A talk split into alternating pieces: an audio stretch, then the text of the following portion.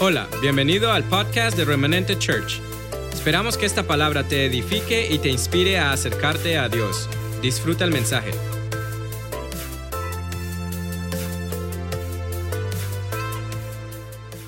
Esta mañana yo he titulado de parte del Señor la enseñanza Silencio Bruno. ¿Cuántos han visto la película Luca? Levanta la mano, por favor. Luca. Yo me vi esa película y mientras nos vimos la película en casa, Luca nos habló bastante. La vida de Luca nos habló bastante. Y esta enseñanza la compartí con los jóvenes de nuestra casa hace dos domingos. Y, Dios puso en mi corazón hablarles a ustedes de esto que está haciendo revolución en mi casa, en mi vida y en mi destino. Cuando nos enfrentamos a muchas cosas,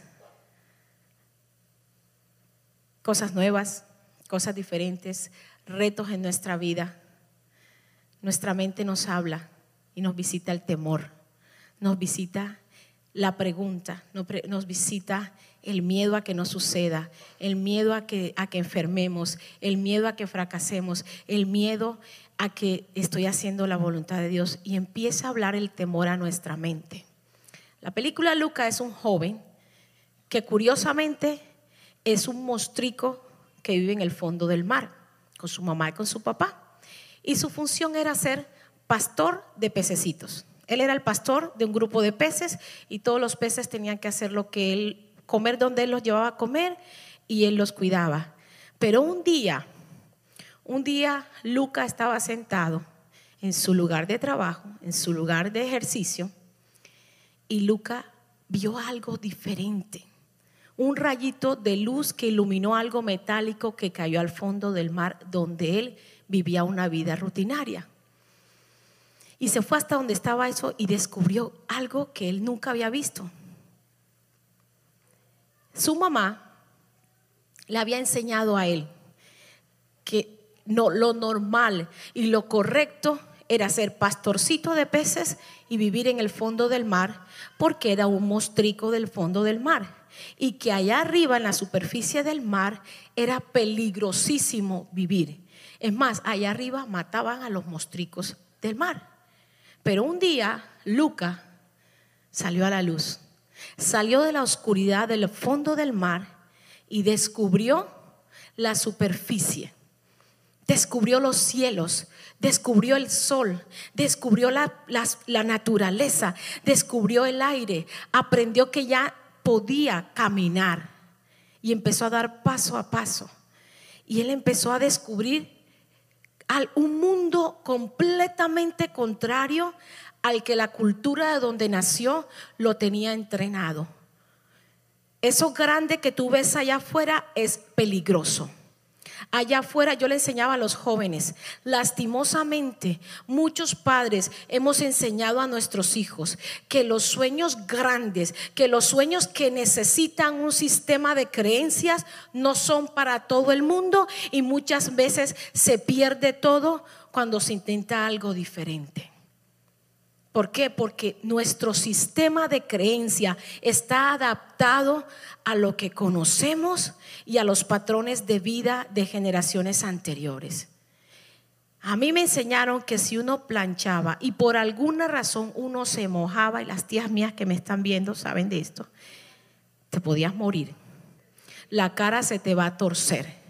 Y uno un susto, uno se iba a planchar, usted no abra la nevera cuando yo vengo a Estados Unidos, eso ya no existía, me pasó como Luca. Cuando salí a la superficie, muchas cosas que me habían enseñado eran por cultura, pero no eran la verdad.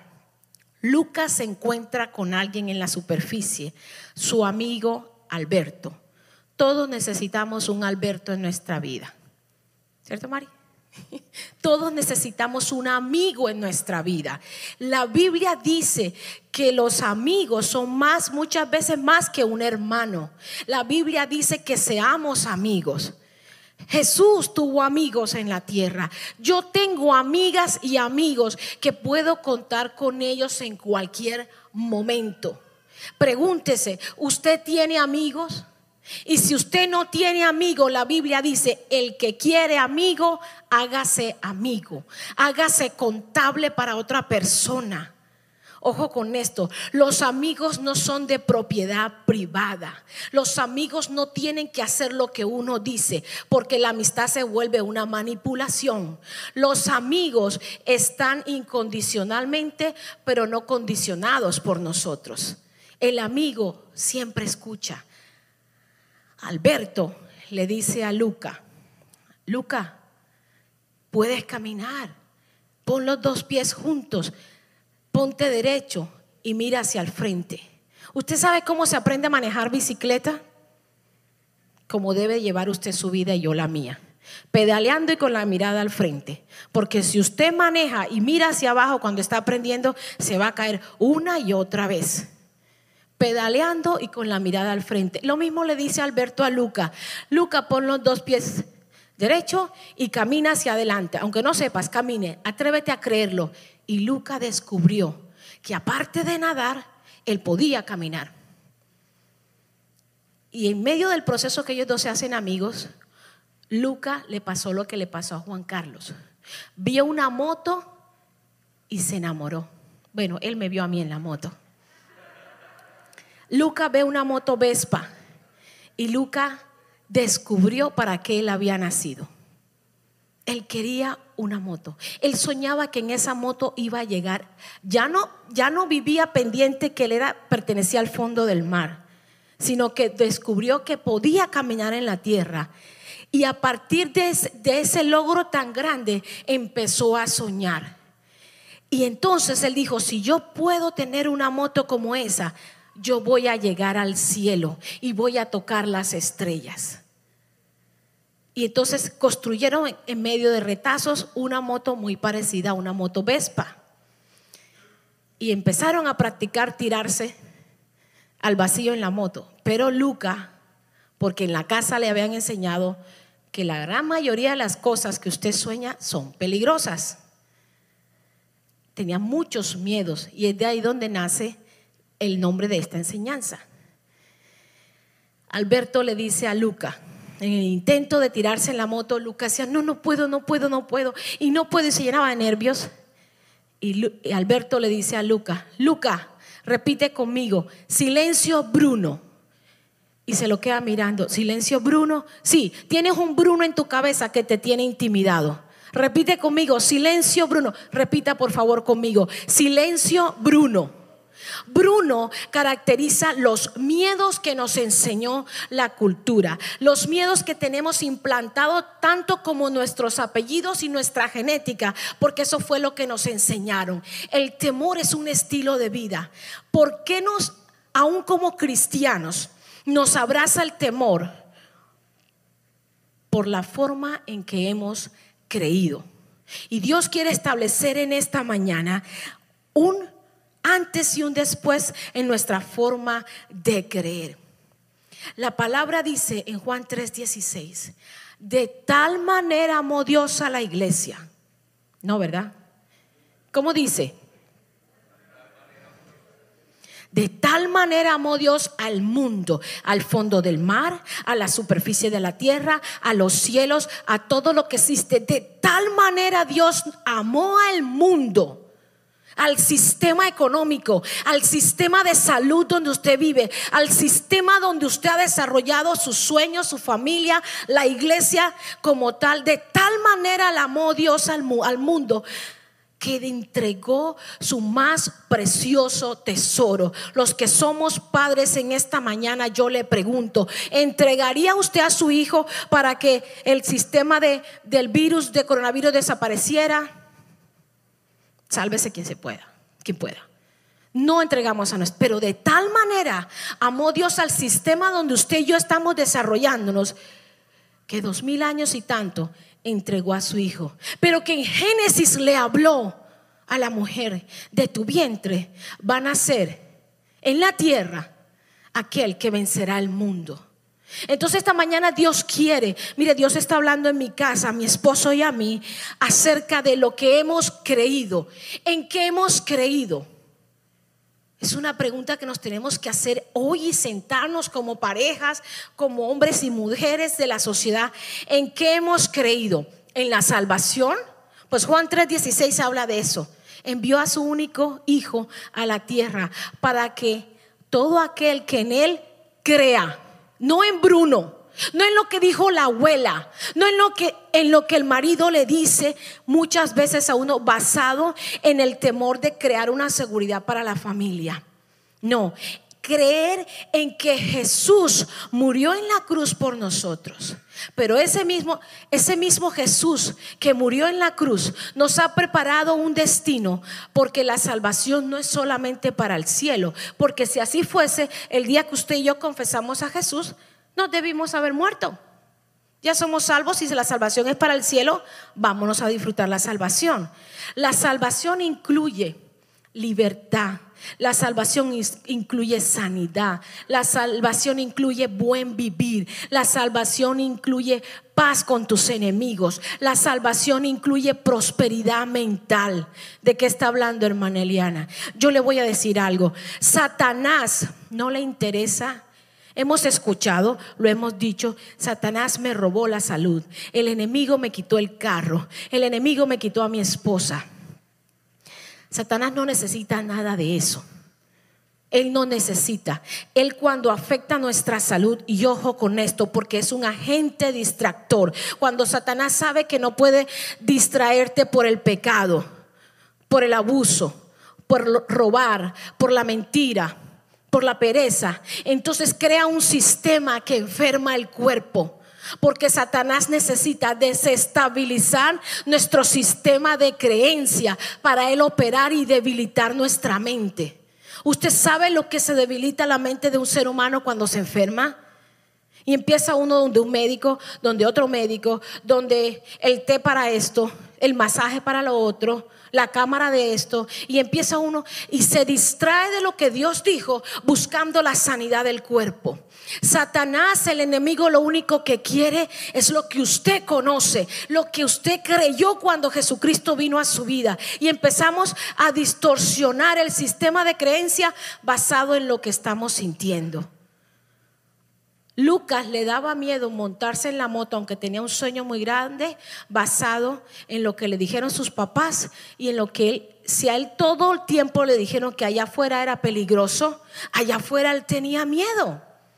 Si a nosotros Satanás todo el tiempo nos está cerrando las puertas y nos está enfermando, o es a mí sola, me duele el pie, me duele la espalda, me duele la cabeza sin sentido, me duele esto, me duele lo otro y empezamos a crear un sistema, un lenguaje.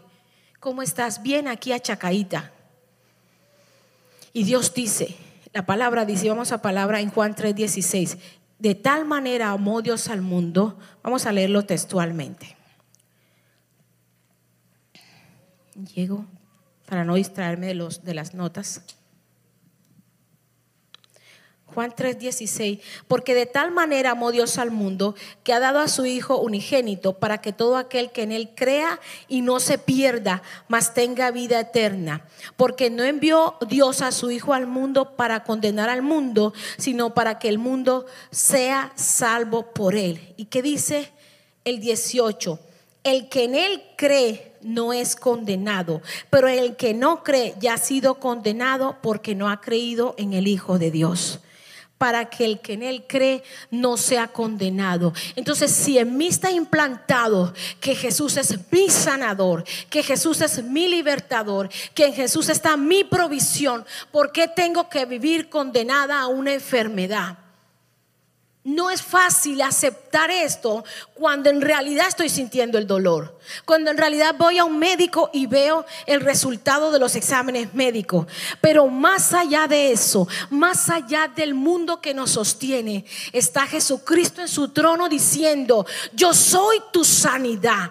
Yo derramé mi sangre por tu cuerpo. Por mi llaga, usted y yo hemos, por la llaga de Jesucristo, usted y yo hemos sido sanados, aunque esta carne no lo vea. Allá está Jesús en el trono diciendo, Cree, cree que yo vine a dar vida y vida en abundancia. Vida en abundancia. Yo quiero que en esta mañana, usted que me escuche, usted que está aquí, usted que va a escuchar esto, aprendamos a vivir abundantemente. Luca debajo del fondo del mar conocía una cueva donde comía ostras y se levantaba a cuidar 100 pececitos. Con un igual, véase la película, cuidando ovejas debajo del fondo del mar. Era todo, él no vivía abundantemente. Cuando él sale a la superficie, aprendió muchas cosas nuevas, pero aprendió a soñar y aprendió a vivir tan abundantemente que Luca termina ganando una carrera que era solamente de humanos para poder comprarse la Vespa. Y en medio de conseguir ese sueño, Dios le demuestra más cosas y le muestra algo que la gente confunde el conocimiento con lo que creemos. Y aquí yo me voy a demorar un ratico. Usted puede creer en esto y usted puede no saber muchas cosas, pero usted puede saber muchas cosas y creer mal. Un ejemplo, doctorados en el Evangelio, hombres que saben 1500 versículos bíblicos y oran por los enfermos y no pasa nada. Y no es responsabilidad del que está orando, ojo. Pero también vemos la otra parte. Usted va a un pueblito lejano de cualquier país y hay un campesino que solamente se sabe tres canciones y a poco puede leer y ora por la gente y los enfermos se sanan. ¿Por qué sucede? No por el conocimiento, sino por la fe de aquel que, que cree que Dios puede sanar a los enfermos. Juan Carlos me contaba una historia que había un gran predicador en una ciudad. Y uno de los que estaban sentados ahí en el hall, cuando ve que el predicador va para allá, le dice al predicador, yo quiero que por favor usted ore por mi sombra.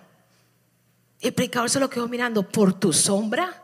Sí, por mi sombra. Yo trabajo en una oficina rodeado de cubículos y la persona que está al lado mío es atea. Y la palabra dice que por la sombra de Pedro los enfermos se sanaban. Yo quiero que por mi sombra esa mujer crea en Cristo. Entonces el predicador le dijo, ¿sabe qué? Ore por mi fe. Porque yo quisiera tener la fe que usted tiene. Entonces no es por el conocimiento que tu vida se transforma. No es por los cartones que se cuelgan en las paredes que la vida de un ser humano se transforma. Porque conozco mucha gente preparada que tiene una vida miserable. Cuando digo miserable no porque tenga necesidad de muchas cosas, sino que tiene un ahogo por dentro, que no hay lugar en la tierra que le complazca, porque no ha creído en aquel que todo lo puede, aun cuando no hay un centavo en el bolsillo. Para el que cree, todo es posible. La Biblia no dice para el que sabe. Los gnósticos decían, entre usted más sepa, usted más rápido va para el cielo. Entonces, ¿qué hacemos con los bebés recién nacidos que se mueren? No han estudiado y se van para el cielo. ¿Qué hacemos con la gente que nunca salió del campo y no solamente conoció el evangelio por los que fueron a evangelizarlos? Y están en el cielo. No es el conocimiento, pero se nos ha enseñado por décadas y décadas que entre más sabemos, más podemos. Y es entre más creemos. Luca creyó que podía caminar y caminó. Luca creyó que podía construir una Vespa. No pudo, pero fue y se fue donde los humanos y concursó por ganarse la Vespa. Y en medio de eso descubrió la educación. Ojo, no estoy en contra de la educación. Los que no hemos terminado la universidad, estamos a tiempo de hacerlo. Pero Luca descubrió con la niña con que compitió que había matemáticas, geografía, tantas. Y él decía, ¿de qué estás hablando? Es este otro idioma. No sé de qué habla ella. Y ella le empezó a mostrar libros. Cuando este niño descubrió que es un libro, dijo, ok, la Vespa, pero no, yo quiero ir a la escuela. Yo quiero estudiar. Mire, la mamá, el papá, de Luca se vinieron detrás de Luca a buscarlo, porque los humanos se lo van a comer. Y la abuela y el tío y todo el mundo. Mire, cuando alguien en una familia decide creer y decirle, decide decirle a Bruno, Bruno, silencio. Mire, ustedes tenían que ver a sus jóvenes gritando, Bruno, silencio. Ellos saben que hay un Bruno que le dice, tú no encajas. Tú no haces lo que otros hacen, tú no encajas. Ese susto que están viviendo nuestros jóvenes en las habitaciones. Ayer hablaba con una maestra de high school y decía, si los padres supieran la batalla tan salvaje que viven los niños en el high school, orarían más por sus hijos antes de ir a la escuela. Tus hijos de 14 a 18 años no te van a contar las exigencias de la moralidad que hay, de la inmoralidad que hay en la escuela, de la presión que hay en la escuela. Pero cuando usted coge a un bebecito y le dice, dígale a Bruno que se calle, que usted es un hijo de Dios, que Dios lo ha plantado en lugares para usted ser la diferencia. Entonces, el sistema en que tu hijo cree lo va a permear de una fe. Pasará momentos difíciles porque sí se pasan momentos difíciles en la tierra. Pero después de todo allá atrás en su mente, él le va a decir a Bruno, Bruno, yo creo en Jesús. Yo creo en Jesús. Yo creo en Jesús. Hay cosas que nuestros hijos adultos, de las cuales ya nosotros no somos responsables. Y tristemente vamos a verlos cometer errores por desobediencia a lo que se le fue enseñado.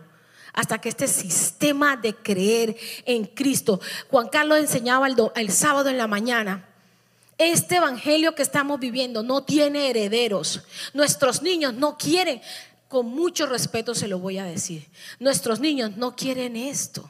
¿Qué es esto? Nos sentamos, escuchamos, aprendemos, pero dentro de un año vuelven nuestros hijos a vernos sentados en la misma silla, escuchando, aprendiendo, pero en el mundo, a ese que amó tanto Dios, nos ven perdiendo muchas batallas toda la semana.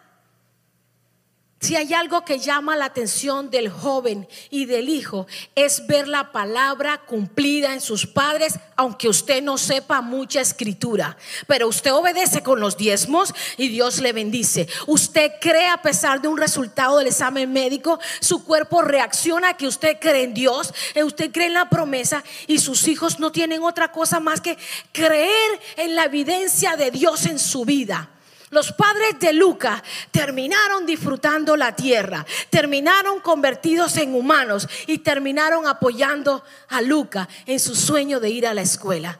Alguien de tu generación y de mi generación tiene que salir de la cultura enseñada. Nacimos pobres, nos morimos pobres. La abuela se murió de diabetes, mi hijita, cuídese porque la diabetes viene. En el nombre de Jesús yo declaro que ninguna enfermedad generacional de mis antepasados, dígalo conmigo, visitará mi vida y la de mis generaciones. Yo soy sana porque el Señor Jesús dijo, he venido a dar vida y vida en abundancia. Amén. Yo quiero que vaya conmigo. A ver si sigo un poquito las notas. La palabra dice, con el corazón se cree Mire, es tan importante, con el corazón no se conoce. La palabra dice, cuán es engañoso es el corazón. Solo Dios lo conoce. Pero cuando un hombre cree en su corazón esto que se llama vida en Cristo Jesús, una vida abundante, una vida plena, una vida de conquista. Todos los días es una vida de conquista. Cuando usted ejerce eso en su vida, Usted es la puerta por donde vendrán otras. De pronto a usted este mensaje no le interesa, yo no quiero ser puerta, yo no quiero ser canal, yo no tengo hijos, yo no tengo generación, yo nací solo, yo voy a vivir solo y me voy a morir solo. Entonces, solo usted, porque me he encontrado con gente, bueno, pero eso es para el que tiene generación. No, usted, usted aprendamos a vivir una vida plena. Llovió, lo disfrutamos.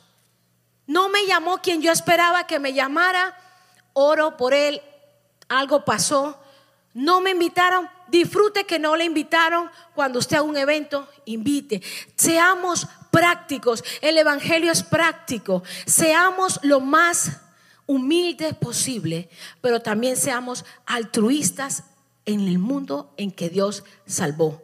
Creamos en lo mejor, aprendamos anhelar buenas cosas, aprendamos a demostrarle a nuestros hijos que en Cristo las cosas van de gloria en gloria, de mejor en mejor. Yo le decía a los jóvenes, a un joven, creo que a uno de los niños y para Aguirre, ¿cuántos años tiene usted? el viejo 14. Yo le dije, dentro de cuatro años ya estás manejando, ¿verdad? Le dije, ¿ya estás trabajando para tu carro? Me dijo, no. Y yo, bueno, te va a tocar manejar el carro viejo de tu casa. Tienes 14 años, pon un lavadero de carro los fines de semana en la puerta de la casa, de la iglesia, donde sea. Aquí habemos muchas mujeres que queremos que nos laven los carros. Y dentro de cuatro años usted tiene cash para comprarse el carro que usted quiere. No se necesitan grandes empresas, se necesita la convicción, creer en esta bendita palabra. Cuando usted cree, las bendiciones se le añaden y se le añaden, como me enseñaron, felices. Felices, a usted le toca lo mejor. A usted le toca lo mejor. ¿Por qué? Porque usted cree en lo mejor. Ah, no es que peor es nada. No, nada, es nada. Yo creo en lo mejor. Yo creo que lo mejor viene y estoy trabajando por eso basada en lo que estoy creyendo. ¿Estamos creyendo en lo mejor? ¿Estamos creyendo que nuestros hijos no tienen que caminar por donde ya caminamos?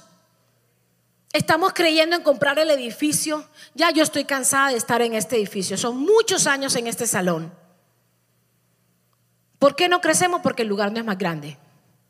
Nos ponemos límites. Si podemos producir 10 mil para pagar 10 mil mensual por 10 años, sume cuánto dio eso. ¿Por qué no comprar? Por cómo hemos creído. Por cómo hemos creído. Si yo le digo a usted en esta mañana, yo para el próximo mes, remanente, yo no, remanente Church necesita 1.200 dólares para pagar el programa de la emisora. Yo sé que sé que más de uno usted se va a poner de pie y decir, ¿dónde firmo? Yo sé que sé. Yo lo creo. Yo lo creo porque yo soy testigo del poder de Dios cuando yo doy y muchos de ustedes también lo han hecho y han visto a Dios. Han visto a Dios. Entonces, ¿en qué volvamos a retomar? ¿En qué hemos creído? Vámonos a Hebreos 11, 1. Hebreos 11.1 dice, es pues la fe, estoy hablando de versículos bíblicos que los hemos estudiado por años. Es pues la fe la certeza de lo que se espera con la convicción de lo que no se ve. Por ella alcanzaron buen testimonio los antiguos, los antepasados. Por la fe entendemos haber, si, haber, haber sido constituidos el universo por la palabra de Dios, de modo que lo que se ve fue hecho de lo que no se veía. Lo que se ve fue hecho de lo que no se veía. ¿Qué es la fe? Mi fe no puede estar basada en lo que tengo, en lo que sé.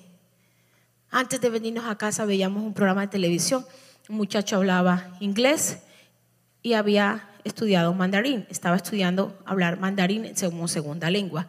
Tuvo un accidente de carro grandísimo, cayó en un coma. Cuando despertó del coma no sabía hablar inglés, solo podía hablar mandarín. En el impacto su cerebro sufrió un, colapso y el lado que ministraba el lado del inglés no funcionaba, solo funcionaba el lado del mandarín. Pero unas horas antes, él estaba estudiando en la universidad en inglés. Es de Australia, él habla inglés. Entonces, de un momento a otro, lo que usted y yo tenemos, lo que usted y yo conocemos, puede cambiar. Pero lo que usted y yo hemos creído en Jesús es eterno. Eso mueve cualquier sistema de números. Entonces, cuando creemos en Jesús, cuando creemos en los milagros, cuando creemos en lo que Él dijo, uno más uno no es dos, uno más uno es diez mil. ¿Cierto, Juan Carlos Villa? No es lo que tiene usted en la mano. no son los números que usted cuenta, no son las relaciones en el banco y en el gobierno y en emigración. Es al Rey de Reyes que está sentado en su trono divino diciendo, ve que yo pago, ve que yo abro puertas, ve, la palabra me dice, toca y se os abrirá, pedí y se os dará. ¿Cierto, Yane? Pedimos, pedimos y creímos, pedimos y creímos, Dios lo hizo. ¿Qué es imposible para el que cree? Absolutamente nada. Lucas creyó, el cuerpo de Lucas se transformó. Un buen mensaje que interesa. El cuerpo de Lucas se transformó. Él salió del fondo del mar. Le salieron brazos, le salieron piernas, se le quitó la cola, le salió un cabello crespo hermoso. Lucas se transformó completamente. Mire, cuando andamos en la presencia del Señor, nos ponemos hermosos. Cuando andamos confiados en Jesús, nuestra vida se transforma. Suceden milagros impresionantes. Pero Dios no quiere que nos quedemos en los milagros. ¿Usted sabe para qué suceden los milagros? A Dios no le interesan los milagros. Él es un milagro. Su vida, Él, él es él preparó todo para nosotros. Él en sí sostiene todas las cosas. Él no le sorprende un milagro. Él quiere los, Él da los milagros para llamar nuestra atención. Porque si el milagro fuera todo, el que se sana por un milagro se va a morir. Tarde o temprano los que estamos vivos nos vamos a morir. E, el que soluciona un problema por un milagro, más adelante nos esperan otros problemas. No es el milagro el que transforma tu vida y mi vida. El milagro llama tu atención en aquel que hizo el milagro. Pasó con Lázaro. Si Jesús hubiese querido que Lázaro no se muera, no se muere. ¿Cómo que Jesús se quedó comiendo café con pan? Si se estaba es que él no ni siquiera necesitaba ir donde Lázaro. Él pudo haber dicho la palabra y Lázaro se pudo haber sanado. No, fue al tercer día cuando ya no se podía hacer nada, ya estaba enterrado, se resucita Lázaro, Dios le dice, Jesús le dice a través de Lázaro, sal. Jesús no lloró porque Lázaro se murió. A Jesús no lo toma por sorpresa absolutamente nada. Jesús lloraba por la incredulidad del pueblo. Él decía, no han creído, pero este milagro es para glorificar a mi Padre. Y entonces, cuando Lázaro en el 12, Lucas o Juan 12, cuando está Lázaro, porque después que lo resucitan, muestran a Lázaro sentado comiendo con Jesús. Y entonces todos los, los que no creían empezaron a creer a ver, al, ver a Lázaro. Y los que estaban en contra de Jesús buscaban cómo matar a Lázaro. No se deje matar su milagro. No se deje matar su milagro. Dios lo hizo, Dios lo sostiene, pero no se puede usted quedar en el milagro. El milagro es el momento, el milagro es para llamar tu atención. Lo que Dios quiere, ok, yo te respondí, yo hice el milagro, pero ahora mírame a mí, mírame a mí y créeme a mí, porque no era Alberto el que le iba a transformar la vida a Luca era la creer, el creer Lucas que sí podía. Obviamente no habla de Jesús, pero Dios te dice, en mí todas las cosas son posibles. soltemos las creencias del pasado. Soltemos la cultura de que los hispanos aquí somos de segunda. Nosotros somos una generación escogida por Dios, traída a esta nación para bendecirla, para bendecirla. Mis hijos, mis nietos son de bendición en esta nación. Cambiarán sistemas de finanzas en esta nación. Mis hijos y mis hijas, dice Isaías 54, serán como torres adornadas con piedras preciosas. ¿Lo cree usted conmigo de los suyos? Dile un aplauso al Señor. No es lo que tus ojos ven. No eran los gusanitos que le ponían a comer a Luca. Era la gloria que lo estaba esperando allá afuera. Luca necesitó salir de su comodidad y del patrón del conocimiento de su mamá. Hay mamás, me incluyo en ellas. Soltemos a los hijos. por amor a Cristo, soltemos a nuestros hijos. No dejemos de orar por ellos, pero dejemos que ellos descubran el potencial que Dios depositó en ellos cuando estaban en nuestro vientre. Si su hijo ya es mayor de edad, por amor a Dios, entienda que tiene un depósito suficiente para desarrollar el potencial. Veremos equivocarse a nuestros hijos, pero también veremos la gloria de Dios siguiéndolos. No es tu responsabilidad que tus hijos tengan el blanco si ya son adultos. Cuando están siendo niños, sí. Sigamos. Hebreos, y ya voy a terminar. ¿Ya tengo que terminar? Sí, claro que sí.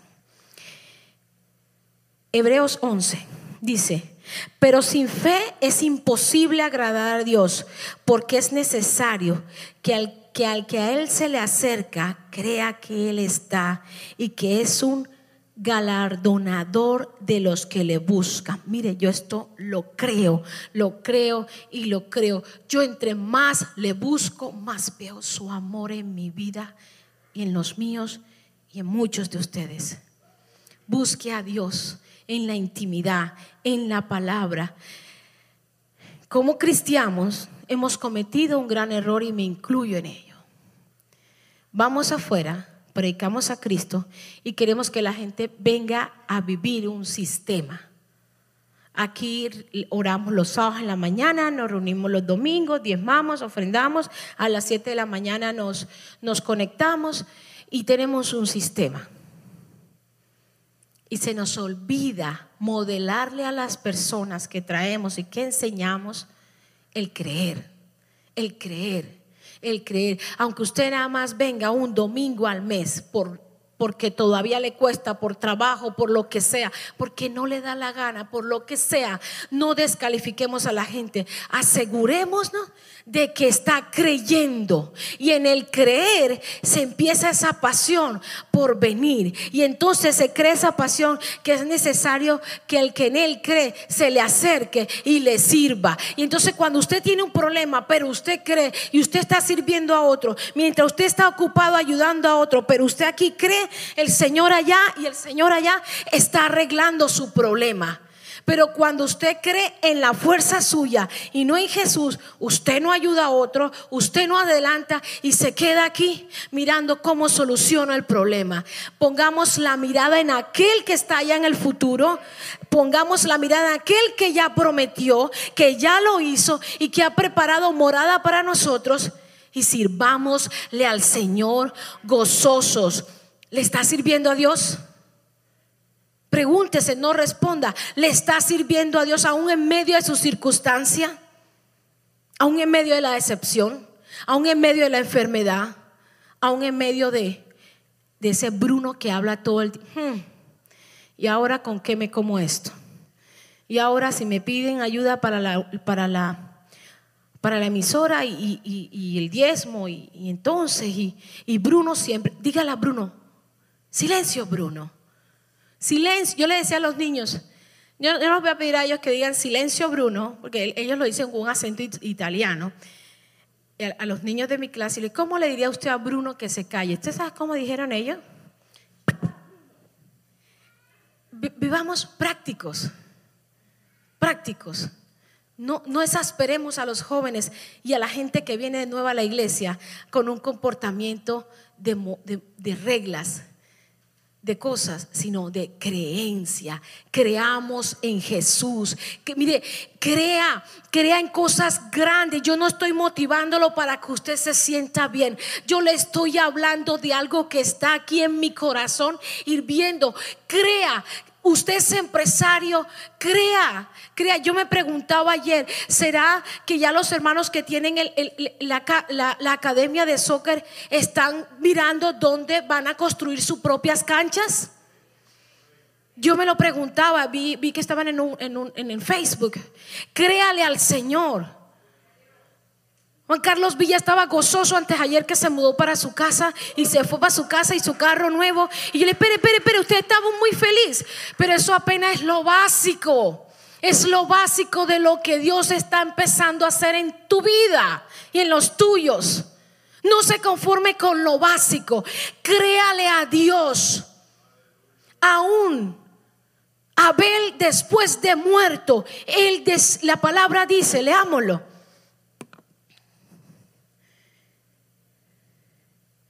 Siempre me pierdo del 10 al 11.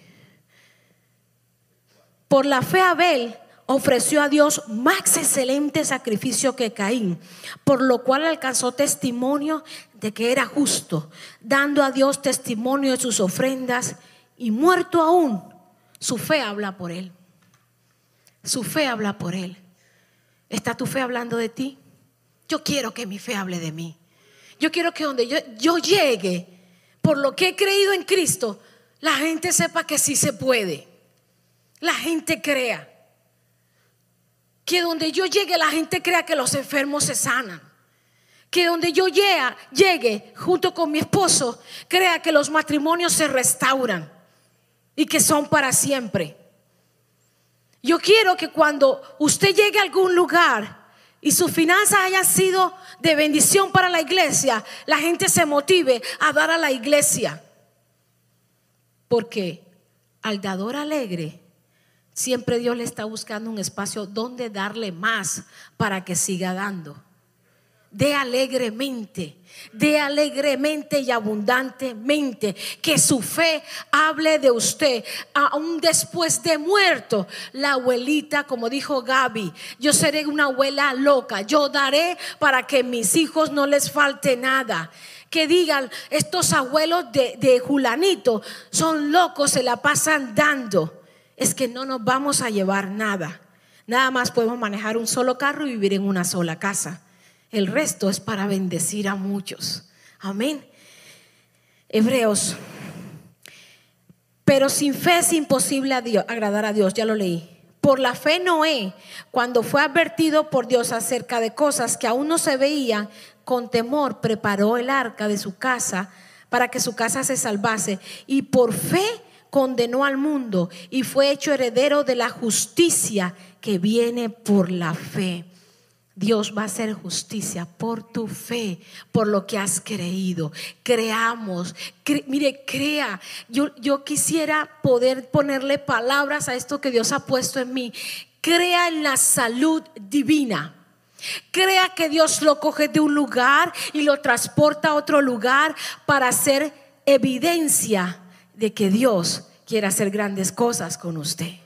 Créale al Señor que donde Dios lo tiene puesto, las finanzas van a ser transformadas, la salud va a ser transformada, las relaciones de pareja van a ser transformadas. No tiene que decir palabras extrañas ni rebuscadas. Sea usted con su fe.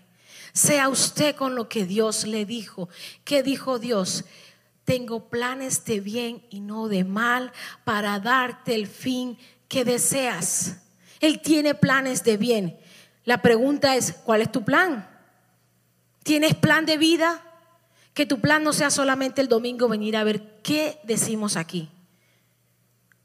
Porque se puede quedar en casa y prender Facebook. ¿Cuál es tu plan de vida? ¿Cuál es? Preguntémonos, cambiémosle, ¿cuál es tu sueño? ¿Cuál es tu plan de vida? Dios tiene planes de bien y no de mal. Isaías 55 es tan hermoso y dice, gente que usted no ha conocido, pondrá Dios en su camino para bendecirle, porque Él es Dios. Isaías 43 dice, haré cosa nueva, ¿acaso no te estás dando cuenta? Haré un camino donde no hay. Y termino con esto. Isaías 43 dice, y quisiera poder nombrarlos a todos ustedes yo quiero que ustedes sean testigos de que yo soy Dios. Tu testimonio testifica de que Dios es Dios. Pregunto, ¿tu vida está testificando de que Dios es Dios? Yo quiero ser testimonio del Dios viviente. Yo quiero, yo quiero que Dios me ha dado 50 años de vida, los próximos 50 que me dé, quiero vivirlo siendo testimonio de que Dios es Dios. De que Dios, de que Manasa va a ser impactado por una iglesia que le crea a Dios que le crea a Dios. Yo te reto en esta mañana que tu vida cambie porque le crees a Dios. No en tu conocimiento, no en tus relaciones, no en el dinero que tienes en el banco y no en tu capacidad ni en tus títulos, sino porque le crees a Dios, el que todo lo puede, el que sostiene todas las cosas con el poder de su palabra. Yo quiero que te pongas de pie, quiero orar por ti antes de ir, no hay donde tú estás. Acuérdate, el enemigo no quiere nada de lo que tú tienes. El enemigo solamente quiere desestabilizar tu mente. Él quiere lo que tú conoces. ¿En qué estamos creyendo? ¿En qué estamos creyendo? Hebreos 10 dice.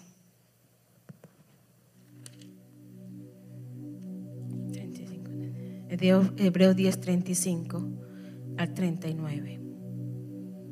No perdáis pues vuestra confianza que tiene grande galardón, porque es necesaria la paciencia, para que habiendo hecho la voluntad de Dios, recibas la promesa. Porque aún un poquito, y el que ha de venir, vendrá y no tardará. Mas el justo vivirá por fe, y si retrocediere, no agradará a Dios.